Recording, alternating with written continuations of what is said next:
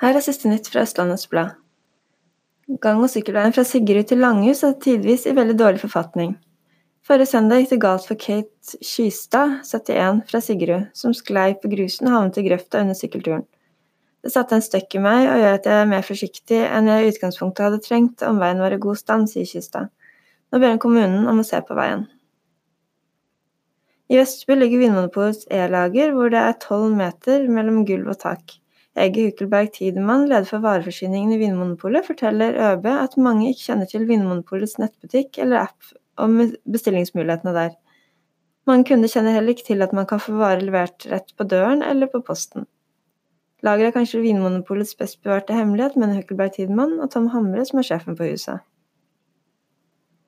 Et år etter at Ski kommune ba Fylkesmannen om en juridisk vurdering av driften på Ski flyplass, kommer svaret. Per nå har Follo flyklubb ingen tillatelse for drift på flyplassen.